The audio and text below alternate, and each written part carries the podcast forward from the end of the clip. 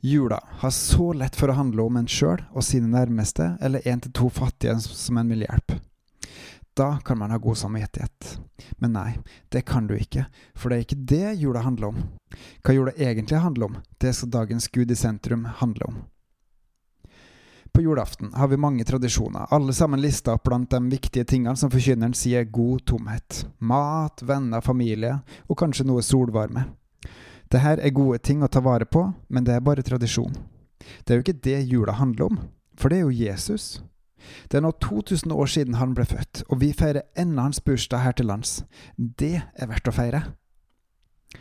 I vanlige bursdager så er det vanlig med god mat, godt lag, og så selvfølgelig fokus på bursdagsbarnet.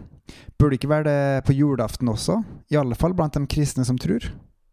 Er det nok å lese juleevangeliet, og så ferdig med det?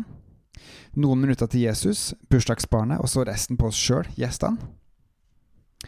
I år har jeg tenkt å gjøre noe annerledes. Jeg vil ha mer fokus på bursdagsbarnet, rett og slett. Da er det to ting jeg har lyst til å gjøre. For det første vil jeg ha skuespill med juleevangeliet. Hos oss er det både småbarn og voksne, og med minst to frivillige og ei dukke bamse har vi mer enn nok. Forhåpentligvis vil flere være med, eh, med meg som pådriver og forteller, og sannsynligvis vil både unge og gamle ha det kjekt sammen, og lære å undre seg over det som skjedde, at Gud faktisk ga oss en gave på Jesu bursdag.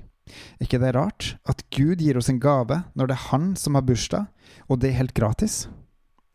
Og her kommer en andre ting inn i bildet.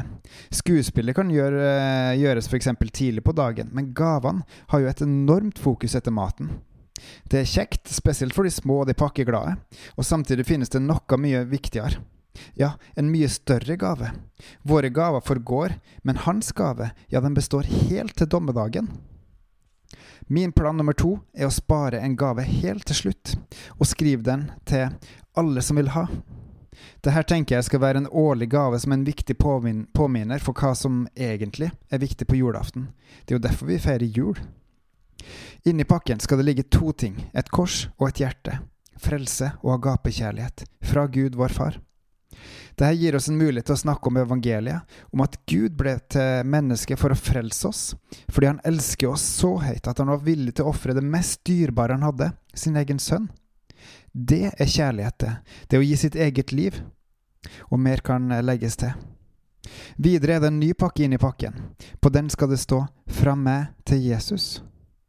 Dette er det Jesus ønsker seg bursdagsgave, altså fra hver og en av oss. Også den pakken her skal vi åpne sammen.